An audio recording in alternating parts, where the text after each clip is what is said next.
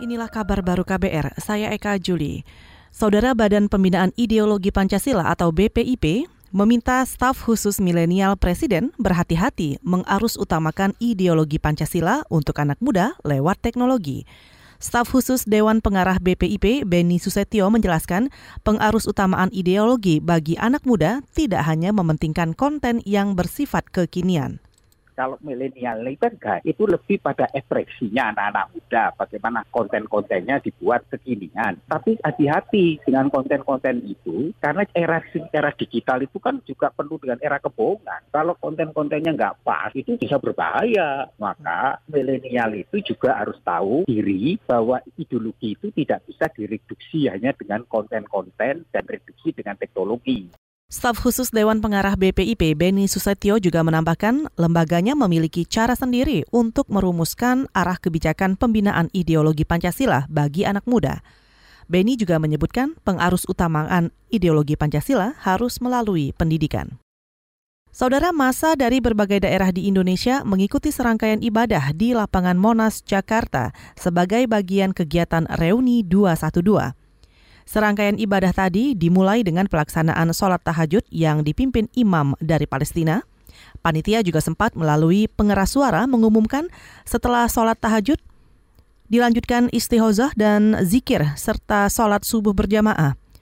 Panitia mengklaim reuni 212 diikuti peserta dari sejumlah daerah seperti Surakarta, Yogyakarta, hingga Aceh. Kita ke Papua. Kapolda Papua Paulus Waterpau memastikan informasi penembakan terhadap mobil pengawalan Delta Zone PT Freeport Indonesia bukan dilakukan kelompok separatis.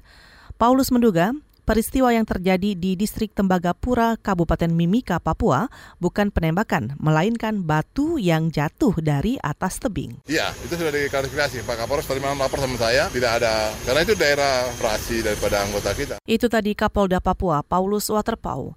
Sebelumnya, kelompok bersenjata diduga menembaki kendaraan milik PT Freeport Indonesia ketika melintas di Mil 60 distrik Tembagapura.